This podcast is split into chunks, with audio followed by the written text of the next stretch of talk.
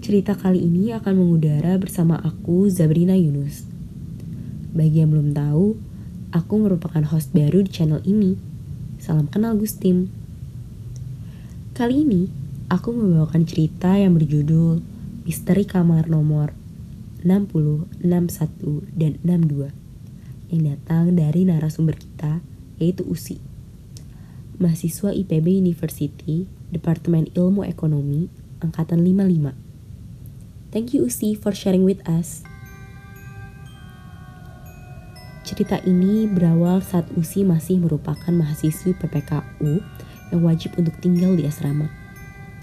Ia dan teman-teman sekamarnya kerap mengalami kejadian-kejadian yang tidak mengenakan.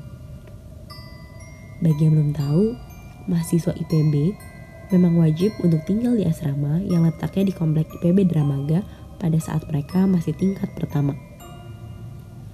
Memang terkenal banyak kejadian-kejadian aneh yang kerap terjadi di asrama ini.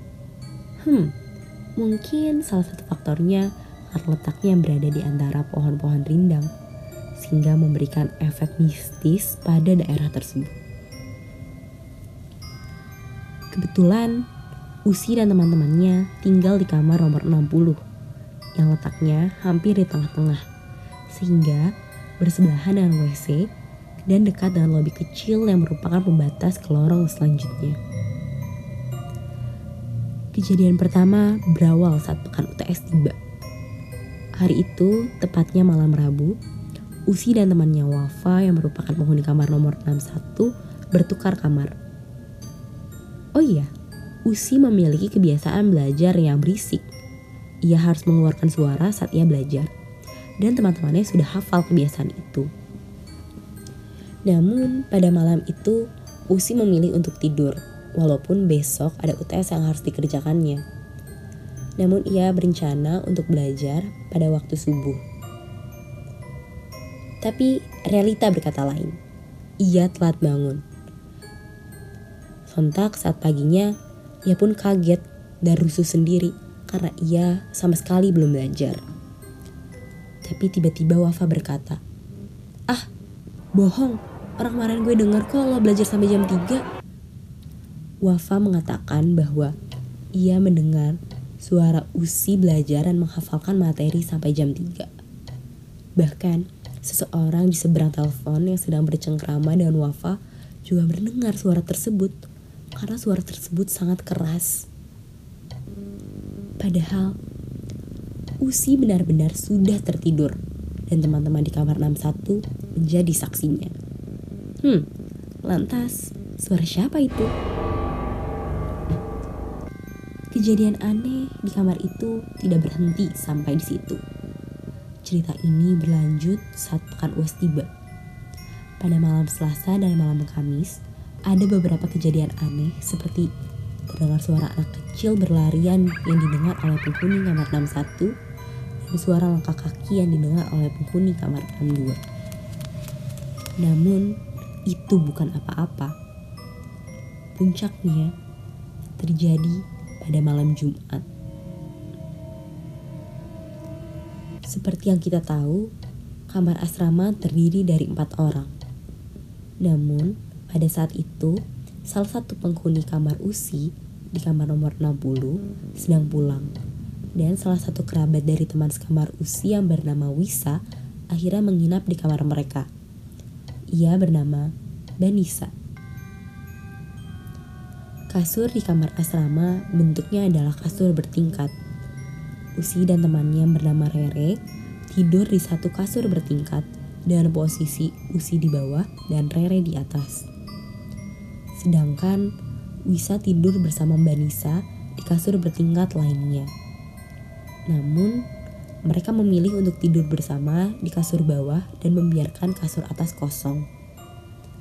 Tiba-tiba, jam 2 dini hari, Usi terbangun. Ia mendengar hantaman keras seperti ada yang memukul pintu. Dan durasinya berlangsung cukup lama.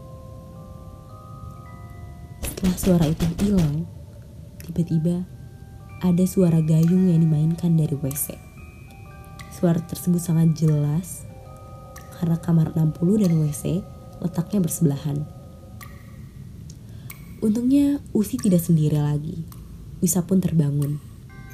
Karena ketakutan, Usi pun pindah dan tidur bertiga dalam satu kasur bersama Wisa dan Banisa.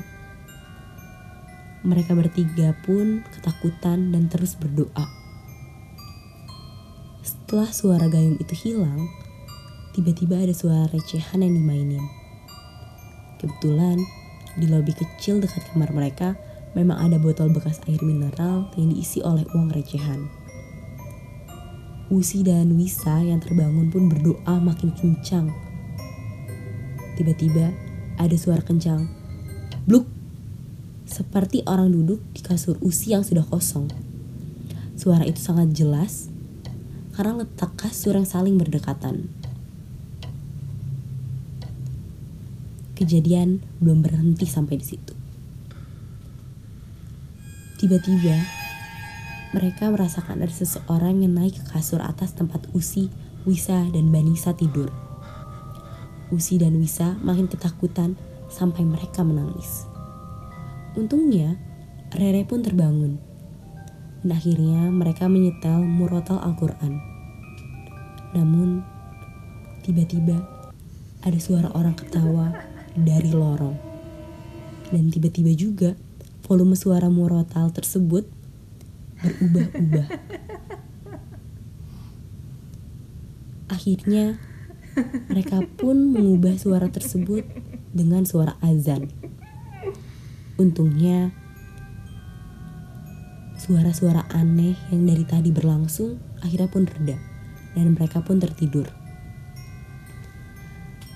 Keesokan harinya, Usi dan teman-teman sekamarnya melaporkan kejadian tersebut ke senior residen. Karena hari itu merupakan hari terakhir UAS, SR akhirnya mengadakan sholat asar dan maghrib berjamaah. Lantas, warga asrama PPKU pun bingung karena jarang sekali acara besar seperti itu diadakan di asrama. Akhirnya, Usi dan teman-teman sekamarnya pun menceritakan kejadian yang mereka alami. Namun, anehnya, teman-temannya dari kamar lain mengaku tidak pernah mengalami kejadian seperti yang Usi rasakan. Jadi, hanya kamar 60, 61, dan 62 yang merasakannya. Penghuni kamar lainnya tidak mendengar apa-apa. Hmm, kira-kira menurut kalian, kenapa hanya penghuni kamar nomor 60, 61, dan 62 yang mengalami kejadian tersebut? Apa mereka yang tidak terlihat hanya mau kenalan dengan mereka? Atau mereka sedang menandai wilayah mereka? Well, tidak ada hukum yang mewajibkan kamu untuk percaya cerita ini. Namun, apakah kamu percaya? It's exactly what you think it is.